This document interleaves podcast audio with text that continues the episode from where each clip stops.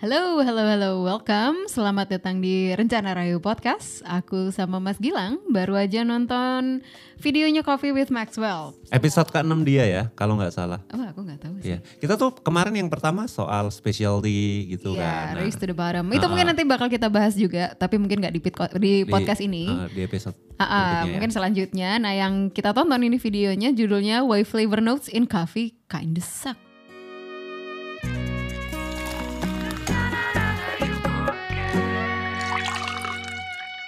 Wow, kasar sekali. Kasar nggak sih tapi itu? Nggak juga ya? Nggak kalau kalau dilihat secara Iya, judul. tapi ada kindanya. Jadi kayak Oh, nggak suck-sucks banget, tapi kinda suck. oh. santai juga ya ngomongnya dia. Iya, Agak, santai-santai. agak ketawa gitu sih tapi. Iya jatuhnya dia Kayak kayak lebih slow. Eh, ceritain pengalamannya dia sendiri yang dia analyze sendiri, yang dia kritik sendiri. Kayak salah satunya yang dia bilang eh, ibunya itu loh. Jadi Hmm. dia ibunya itu pokoknya dia udah berusaha nih bertahun-tahun untuk menggeser ibunya biar minum kopi yang bagus Ah, ah. kopi yang lebih bagus daripada Bukan yang instan kopi ya? instan, ah, Ah, ah, benar. kayak gitu.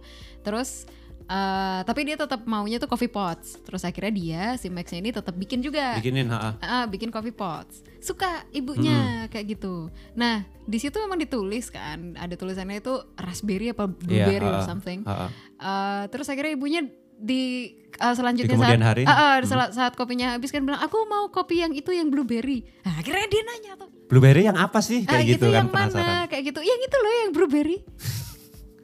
Iya. lah dia kan akhirnya dia tanya, yang packagingnya warna apa kayak gitu. Iya. itu loh yang enak banget itu yang blueberry.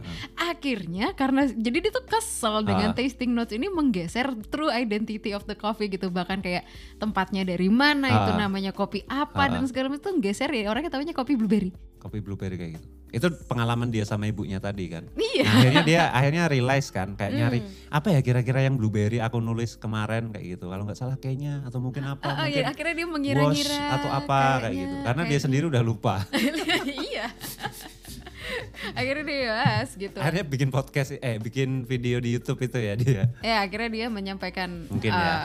apa ya pengalamannya dia terhadap tasting notes gitu dan Hmm. dia buka di awal tuh memang ngebahas tentang gimana tasting notes tuh sangat subjektif.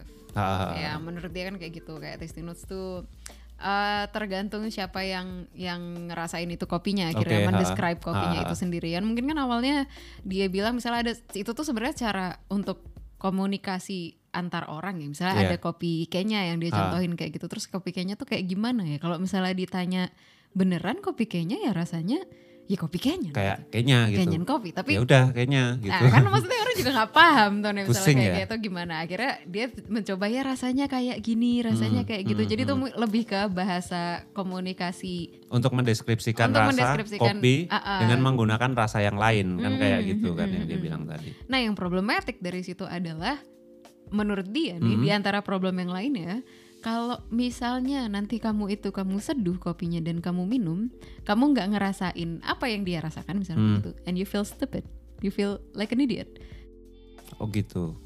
Iya, salah satunya menurut dia Ya. yang problematik karena itu tidak tidak apa ya, itu menunjukkan sangat nggak inklusif gitu. Oke, akhirnya si si apa si flavor notes itu tadi tuh jadi sesuatu yang eksklusif. Ya, soalnya kalau itu tuh dia lebih kayak penggunaan orang-orang yang misalnya experience ya. Oke. Ah, ah, di kopi kayak gitu misalnya udah nih cupping kayak gitu.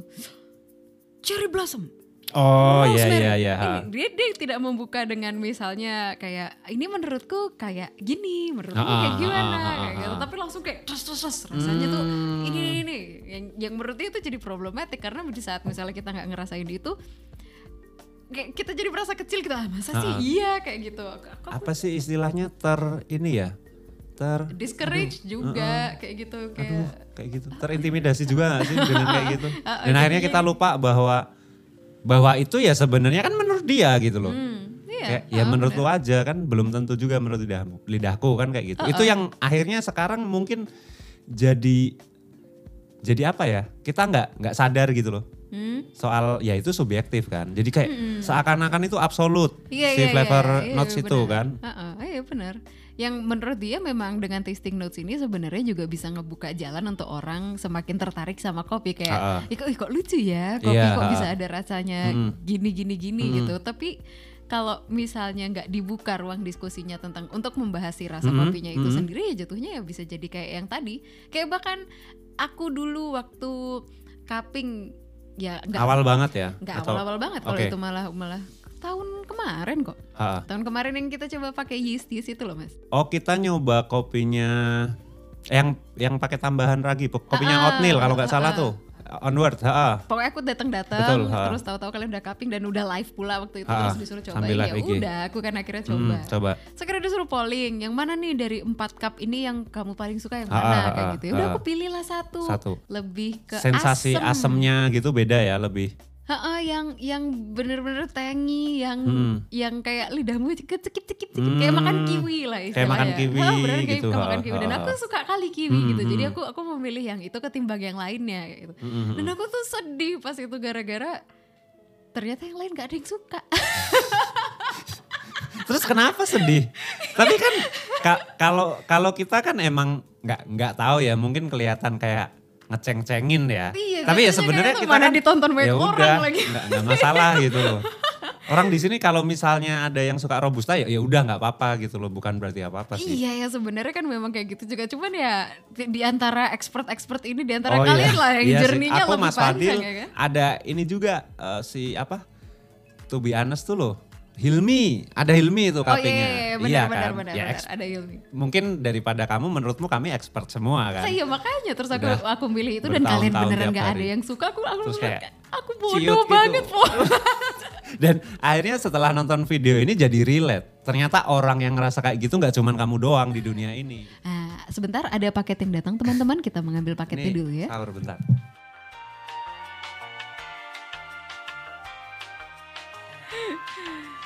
Nah itu yang dia Ah. Sampaikan menurut dia kurang kain desaknya Ah. si tasting notes itu tuh ya atau flavor, Flavor notes, notes, ah, ah. flavor notes ya karena itu karena itu sangat sih di satu bisa ngejudge people taste Iya, pasti ngerasanya kayak minder, jiper gitu nggak sih? Kayak, aduh kok gimana ya? Itu persis, aku dulu juga awal juga kayak gitu. Pertama kali diajak cupping di Top Gear, cuppingnya Robusta lagi. Dan aku baru tahu, loh Robusta kok di cupping juga? Gitu. Ternyata eh, Bang Hendra kalau nggak salah bilang asin. Terus aku nanya, ini serius asin kayak gitu? Iya, emang kamu nggak kerasa? Nah di, di saat itu juga aku nger- nyalahin sih tepatnya. Kok kok bisa sih aku nggak nggak bisa ngerasain asin kayak gitu. Jatuhnya kayak gitu sih. Jadi meng- menghukum diri sendiri gitu loh.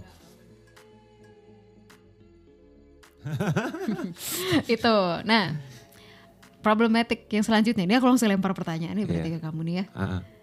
nanya nih. hmm, aku tanya ke kamu Kebiasaan ya setelah setelah nonton apa pun tuh pasti nanya. Gini mas gini, aduh oke. Ini kayak diuji nih. menurutmu Oke. kamu nulis tasting notes di bag Ha, tujuannya apa tujuannya ini Hmm. kalau jawaban cepat karena Ha-ha. kebiasaan. Enggak, serius itu tuh ibaratnya tuh kalau nggak ditulis ada yang hilang gitu loh. eh Cuman kalau dulu iya? serius, Oke, ya nih aku percaya. ya itu, itu satu. Tapi kalau kalau nyari alasannya lagi, kalau nggak ditulis testing note, ya nggak laku kopinya. Fair ya, aku nggak naif ya. Ya susah sih, meskipun kadang testing note yang kutulis juga brown sugar gitu kan. Ya common lah, coklat gitu. Kadang nemu rasa kiwi atau apa melon mungkin strawberry itu aja ragu sebenarnya. Heeh. Kalau aku sendiri sih, Hmm. karena takut ngasih ekspektasi orang-orang. Gimana Iya. kalau mereka misalnya nggak nemu atau salah seduh? Hmm. Sorry nggak salah seduh, preferensi sedu- seduhnya beda, heeh, terus Hmm. menggunakan preferensi air yang berbeda, berbeda, alat metode berbeda. Ha, itu simply bisa ngubah rasa sih. Betul. Apalagi kalau si flavor kopinya nggak emang nggak kuat, nggak pronounce gitu, hin-hin doang gitu sih. Ya tapi menurutmu itu beneran jadi, maksudnya kamu merasakan dilema ini nggak kalau nulis text, tasting note, flavor notes yang benar, kemungkinan orang nggak tertarik atau misalnya karena nggak ada rasa-rasa yang eksotis, nggak laku-laku banget. akhirnya jadi nggak laku, nggak kan? Tapi kamu melakukan suatu ke- kebaikan nih, kamu Iya. jujur, kopinya kayak apa kamu melaku ke memberikan justice nih ke Iya, terhadap iya. kopinya sendiri Iya, ya kan? mungkin. Kayak jujur itu tuh satu ya Enggak. versus tunggu dulu Iya, tunggu iya. dulu, tunggu dulu versus kasihlah tuh raspberry, Itu, rosemary, clementine. thyme, clementine, Apa ternyata jeruk pas dicari jeruk-jeruk aja gitu loh. clementine tapi Ya mungkin clementine juga aku kemungkinan dulu kemungkinan besar orang tidak akan menemukan itu. Mungkin kemungkinan besarnya mereka akan nemuin brown sugar. Jatuhnya, Ya bisa jadi. jatuhnya kamu merasakan dilema itu nggak? Maksudnya kamu menghadapi dilema itu nggak? Ya. Between telling the truth atau sell the fucking product. Iya sih, Ke- eh, karena gini, mungkin ketika aku jadi produsen ya atau jadi jadi seller gitu, kadang aku masih ingat aku juga konsumen gitu loh. Eh, aku kan beli kopi beberapa kadang random kan roast bean dari orang aja. Karena misalnya aku emang nyeduhnya preferensinya beda atau airnya beda atau apa pun, aku tuh susah banget nemu eh, flavor notes yang mereka tulis gitu loh. Nah, based on pengalaman itu, aku juga kayaknya aku jadi customer aja kadang kecewa gitu loh. Karena benar si si eh, Max Max tadi kan juga bilang kalau kenapa sih flavor flavor notes itu ditulis kan satu biar ada komunikasi kan. itu Ah, bahasa untuk komunikasi. menggambarkan Menggambarkan produk kan. apa, heeh. Karena ya susah juga kalau misalnya kita beli single origin, rasanya apa nggak tahu, random beli aja kan nggak mungkin kan. Justru karena gini si, si specialty sama ing- single origin ada kan sebenarnya kekuatannya karena cita rasanya juga beda. Nah, kenapa cita rasanya beda ya harus ada eh, deskripsinya kan. Ba- eh, itu teknisnya bisa lisan atau ditulis sih menurutku. Betul. Heeh. Tapi kamu kalau misalnya beli kopi sendiri yang kamu lihat pertama tasting notes-nya. Tetep iya, testing notes-nya tetep. heeh.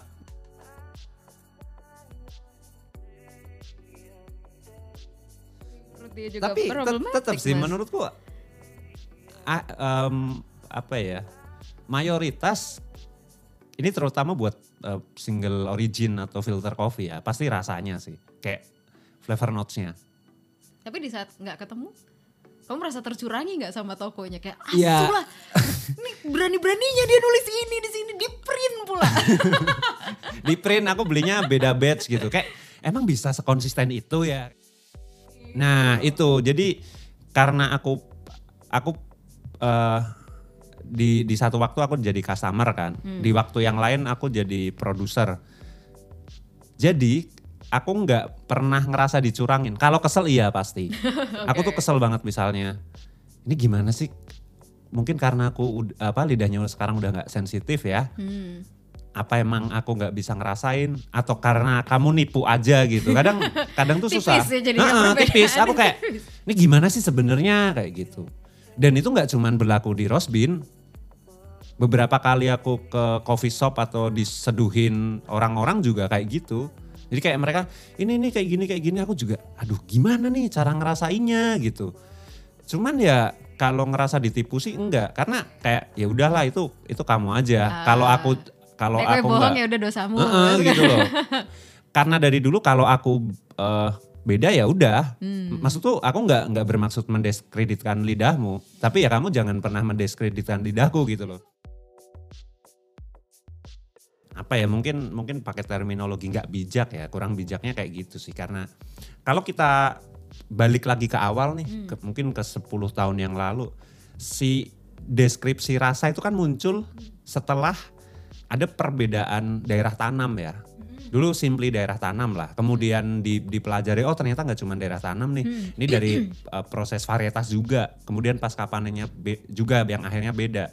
Dan semua perbedaan kan dideskripsikan ujung-ujungnya kan ke flavor notes.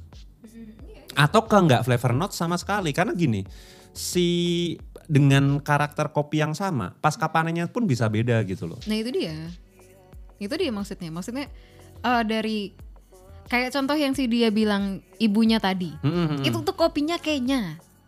Ibunya tapi nggak tahu kalau itu tuh kopi kayaknya. Maksudnya itu bahkan tidak dilihat itu kopinya. Dia taunya kopi black currant or blueberry or something. Hmm.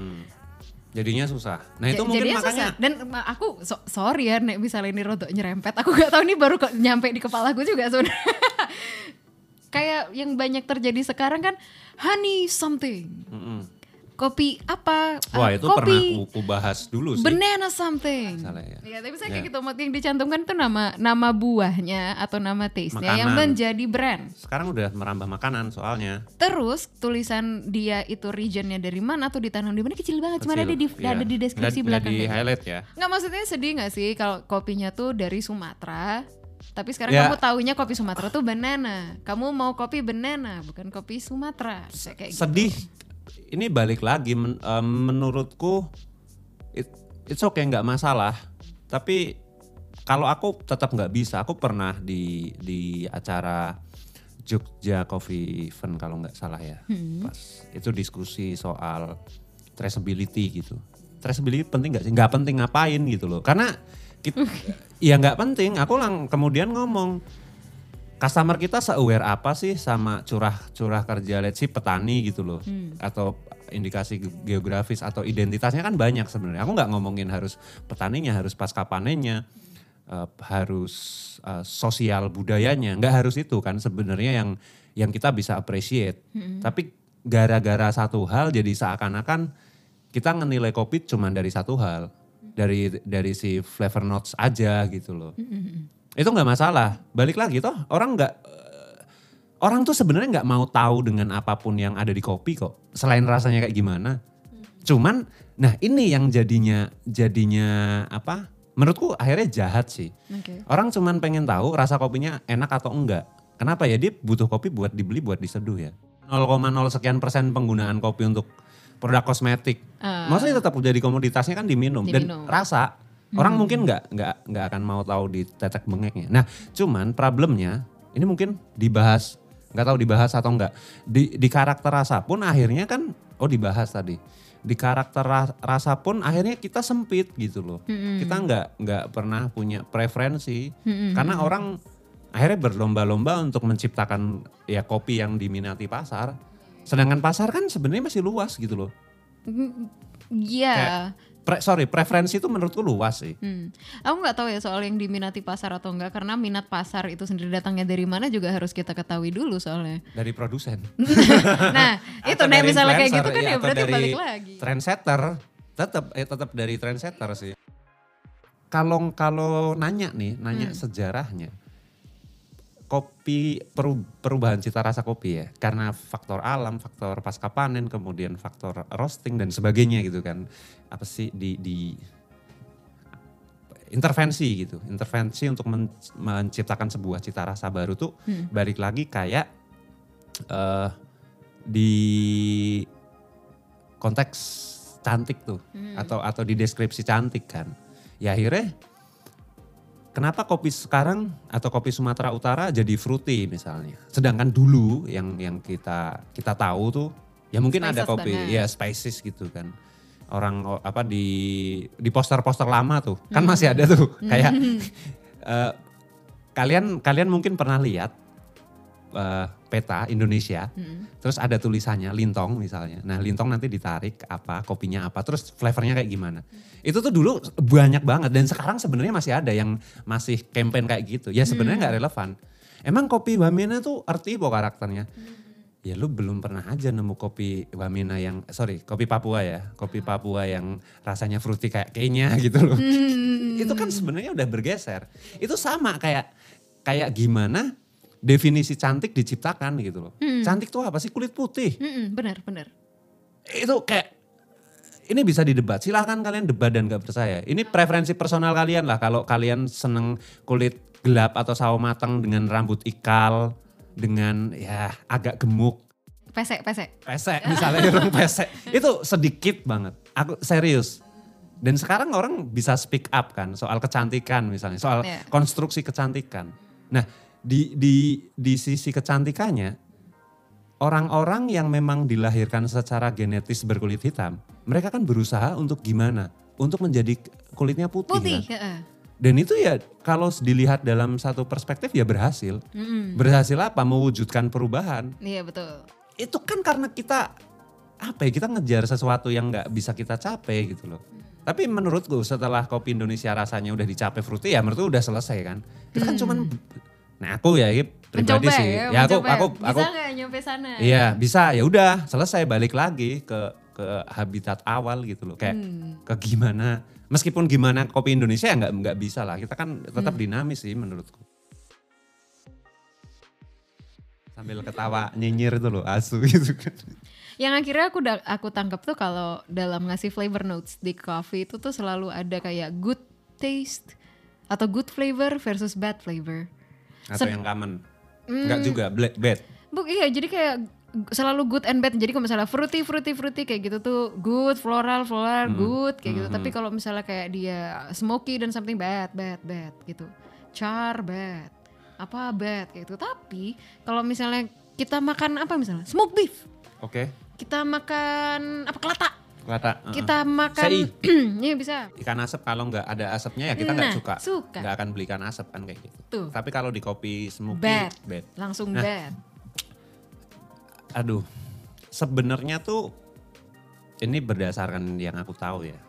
Eh, aku nyari taunya tuh udah lama. Jadi kenapa ada rasa jelek dan ada rasa buruk? Sebenarnya tuh di ini kan. Hmm. Kalau emang ngasih points atau misalnya ngasih grade, ngasih Hmm. ngasih leveling atau in competition lah kayak gitu. Aku menurutku oke gitu. Tapi kalau misalnya di cobalah kamu pernah nggak sih tanya ke dirimu sendiri, do you really hate smoky taste? Ya enggak. Untuk ngomongin flavornya atau smoky flavor, do you really hate it kayak gitu? Atau misalnya woody kayak gitu. Kamu minum whiskey ya woody, kurang woody apa? Ya orang direndam di gentong kan. Nah, Di oak barrel. Sekarang aja kopi direndam di oak barrel ada green bean-nya. nah tuh kan. Iya sih, tapi kan memang kalau sebenarnya kalau soal itu tuh kontekstual gitu loh.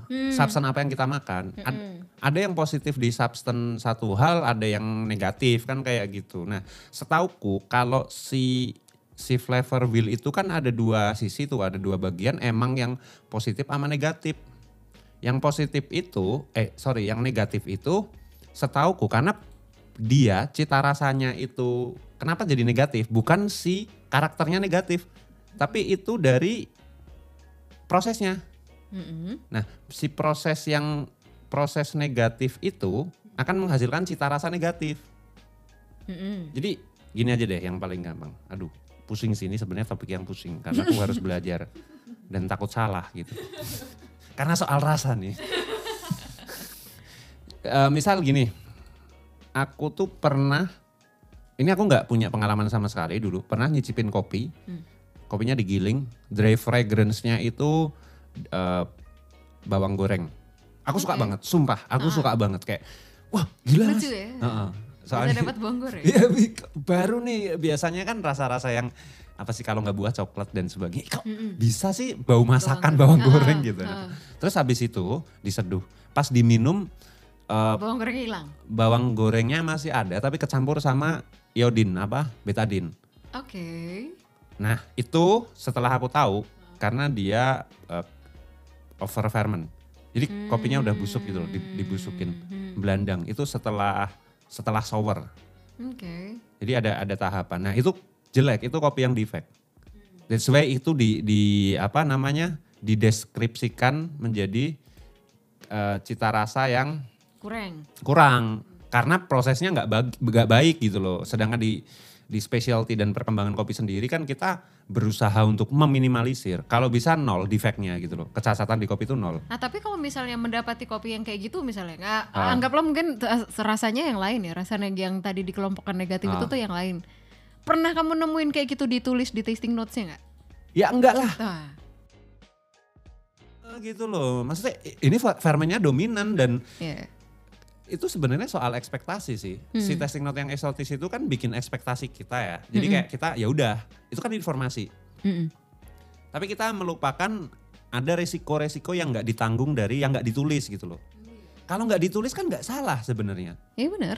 Memang nggak salah. Nggak salah sama sekali. Itu Ya. kan milih ya kayak Mm. bah ini kayak Ya, media nggak lah. tulis aja, Berita gitu. apa sih? yang- Ya. Cuman kalau yang nggak ditulisnya karakter negatif misalnya Heeh. eh, eh, medi medisinal apa ya, Hmm. yang kayak obat. Nah itu yang udah parah sih menurutku sih. Kayak gue ngomongin karakter eksotis tapi giliran di cupping, lah begi gitu lah, bau karung. Hmm. Nah itu sih yang yang itu jadinya flavor notes itu bahaya banget menurutku. Hmm. Kalau kita nggak menginformasikan atau bahkan yang kopi nggak tahu. Kalau Iya, ada iya. karakter defect Itu, nggak nggak layak gitu loh. Kopi nggak layak jual karena eh, karakternya karkol misalnya kayak areng gitu loh. Iya, iya, Cuman iya. kalau karakternya kayak areng susah sih dapat flavor melon misalnya kayak. itu kan di spektrum kan ada ini juga sebenarnya kalau kita mau belajar ya. Hmm. Niteni aja lah. Ada beberapa karakter kopi yang nggak mungkin atau possibility keluar di eh, di eh, profile roasting tertentu. Hmm, hmm, hmm. Kenapa aku tahu karena aku eh, ini sendiri kan, aku nyoba sendiri gitu loh. Misalnya kayak kopi-kopi Ethiopia itu memang mostly basicnya punya karakter floral. Iya. Untuk sajian filter brewing atau V60 digelapin aja sampai second crack, ya floralnya udah nggak ada. Gone. Tapi kamu mau sampai kapan itu Apanya? di kemasan Ditulis? bukan di kemasan Rahayu tuh akan terus tulis tangan dan tidak kamu print. Mau sampai kapan?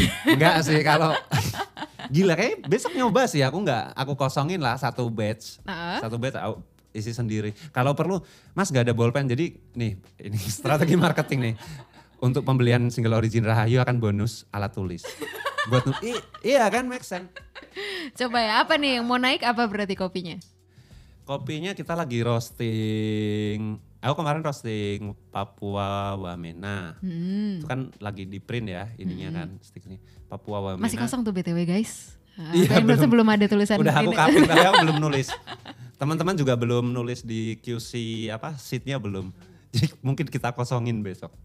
Terus terus terus terus satu apa lagi? Satu Ada lagi kemarin ada Ethiopia eh, Sakiso. Sakiso ya.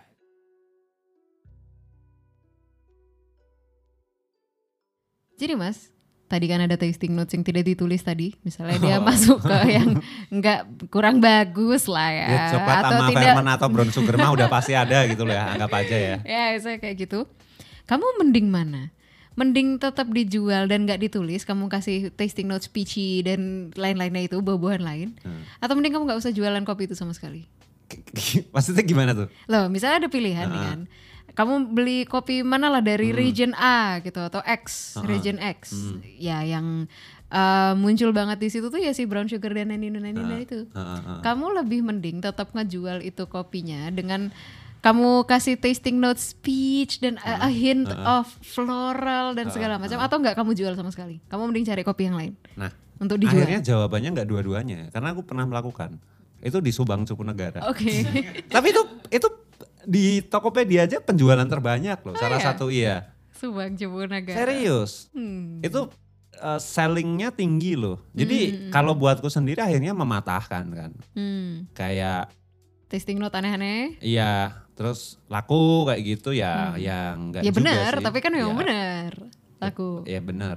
Ya kan tadi kamu kamu yang bilang sendiri orang tuh lihatnya tasting notes dulu. Iya tapi bukan berarti kalau kopinya B aja juga nggak bisa laku gitu loh. Atau nggak bisa, sebenarnya gini bukan soal laku. Tapi di ada marketnya gitu loh. Banyak loh orang-orang yang, sorry banyak orang-orang yang nggak melulu suka sama kopi yang floral maupun fruity gitu loh. Si uh, karakternya, Mm, mm, mm, mm. ininya, spektrumnya. Tapi pasti ya beda. kan kembali lagi kalau ngomongannya jualan ya namanya orang bisnis kan mas. Ya kan tetap butuh revenue, ya Iya kan sih, tetap butuh ya. dibeli. Meskipun kemungkinan tuh market belum bosan loh untuk untuk kopi-kopi yang funky lah, let's see. Ah, ya menurutku juga aku nggak tahu ya, tapi mungkin bisa jadi akan lama juga buat kita nih mungkin Ya karena kebanyakan. kan kalau di Indonesia kan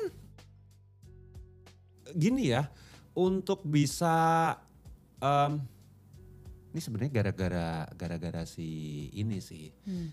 efek rumah kaca sih. nyalain orang Nyalain tetap, mulu, nyalain, Kolil, orang mulu. enggak, enggak. Tapi kan orang bilang kayak eh si Kolil kan nggak tahu konteksnya apa, tapi tetap kita kan kita kan nge-quote-nya pasar bisa diciptakan gitu. Jadi kan kalau pasar bisa diciptakan, pertanyaannya yang menciptakan pasar siapa kalau bukan pelaku atau eh, sorry provider atau produser Hmm. Misalnya Iya, kan kayak gitu. Ya iya, ya pasar bisa diciptakan tapi ya ya akhirnya meniadakan pasar yang udah ada misalnya. Hmm. Cuman kalau di aku sendiri sih yang akhirnya ngaruh ke kebijakan Rahayu ya mau pasar suka atau nggak suka kita sih berusaha dari dulu memang masih ada kopi Gayo Queen Ketiara gitu loh. Mungkin kapan gitu ya kali ya Mas kita coba ngelirik eh, ngerilis salah satu kopi benar-benar di belakang tuh kosong. Mungkin ini kopi yang sekarang sih. Hmm. Kayak yang besok kita rilis m- mungkin aku kosongin aja sih kita kosongin aja. Enggak maksudku tadi tuh gini idenya. Jadi misalnya kosong benar-benar kosong, terus eh, kita bikin public cupping misalnya. Mau online mau nggak online kita kirim kopinya terus segala macam ke beberapa orang eh, ke beberapa orang gitu. Hmm. Terus nanti di belakangnya itu di bagian tasting note, menurut ini ini ini ini ini, ini menurut ini Iya. ini, ini, ini. jadi tesnya akeh banget loh. Jadi tapi itu itu benar sih kayak iya kan? di Jadi satu sisi- kepala Nah, gitu ya. Kita lepas tanggung jawab gitu Ah, kan kayak Mas, kok nggak nemu ininya? Lah aku nggak kaping sendiri ya gitu. Ini loh yang kaping Ini terus gini voting banyak ya, orang, kayak gitu. Bisa Mereka bisa. ini, ini, ini, Mungkin ini, itu ini. itu kebijakan yang akan kita ambil ketika mau kita mau rilis satu produk. Iya boleh. Kayak, nah ini nih, ini menurut keren banget. Hmm. Jadi gini, aku kan belakangan lagi seneng musik kan. Mm-mm. Nah ad- ada salah satu Cie, anak musik Cie, banget. anak musik. Eh, duo itu du- senyawa duo senyawa kan dia satu main instrumen satu vokal. Nah si senyawa itu bikin program desentralisasi. Oke. Jadi dia biasanya kan kalau musisi bikin album atau ngerilis kan dia ak- akan nyari label kan. Kalau udah dapat satu label ya eksklusif kan. Hmm. Kayak kalau ya musika musika kayak Iya, gitu. iya. Dia dia nggak akan pakai label lain. Nah Mm-mm. si senyawa itu bikin musiknya bisa diproduksi di banyak label. Oke. Heeh. Total tuh seluruh dunia karena dia dia emang emang mau luar negeri mau Indonesia silahkan ngerilis Musiknya mereka musiknya. ini Heeh. eh, Jadi orang bisa bisa apa? menjual dia- musiknya Heeh, mereka dari menjual. production house-nya mereka sendiri, Iya, record label eksklusif, heeh. mereka sendiri. Nah itu campaign dia tuh yang yang sering jadi headline tuh soal desentralisasi produksi. Oh, Oke. Nah aku kan mikir kayak nice. anjing apa ya? Aku nggak ngerti itu impactnya di dunia musik sih. Cuman at least ada masuk di berita sorry eh, berita Amerika lah kalau nggak salah Hmm. kemarin cukup ramai ada ada satu satu halaman gitu kan artikel. Nah karena aku seneng dan lagi mas, maksudnya lagi nyari informasi lain, aku kan mikir kayak Bisa diberlakukan Anjing, di apa, kopi kalau nggak di ya? kopi gimana ya gitu, bentuk heeh. maksudnya ide desentralisasinya itu kayak gimana? Ya menurutku itu soal testing note. Ya, Jadi bisa, ki- bisa. kita nggak kita sendiri nih yang bikin gitu kan. Iya, iya, iya, Ini iya, kayak iya. kita lempar. Misalnya pas kita trial tuh, kemarin kan sebenarnya se- pre-release-nya kan kita emang kita kirim kan. Iya.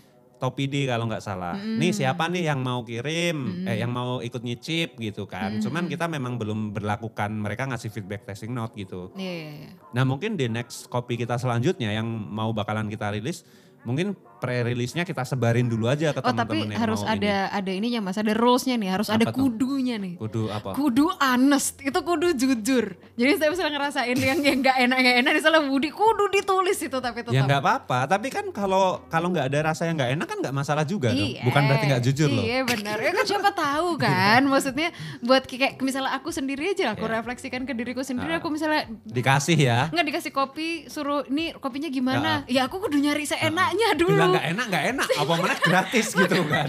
Seakan-akan kita nggak berhak untuk ngasih opini yang jelek kan. Itu kayak dia. Mas, ini kayaknya overdevelop gitu kayaknya agak nggak Eh, mungkin eh, gitu kan. Ada rasa pekewohnya juga. Nah, ya udah kita coba aja besok.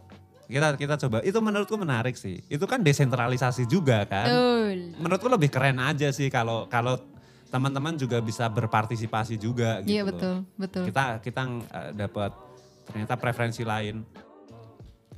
So that's it guys, kita nantikan aja nih janjinya Mas Gilang yang katanya mau rilis kopi baru, dibikin kosong biar bisa diisi sama Iya, teman-teman. aku- Tasting notes ya. Cuman buat eh, terutama yang buat ini kali ya yang buat kita rilis agak nggak nggak limited gitu ya. Mm-mm. Kita continue, kita pas pertama kayak gimana. Mm-mm. Mungkin nanti kita dapat uh, batch baru lagi, mungkin ada ini lagi. Perbaruan tasting notes lagi ya tulisan-tulisannya. Oke guys, see you next time di podcast selanjutnya mungkin membahas video-video lainnya atau nggak tahu nih Mas, Ada- Mas ada apa apa sih, apa, apa lagi? Videonya Maxwell itu yang episode sebelumnya soal specialty. Oh ya. Iya ya itu sih. itu akan kita bahas, itu akan kita ngeselin bahas. Oke, bye bye guys. Terima kasih.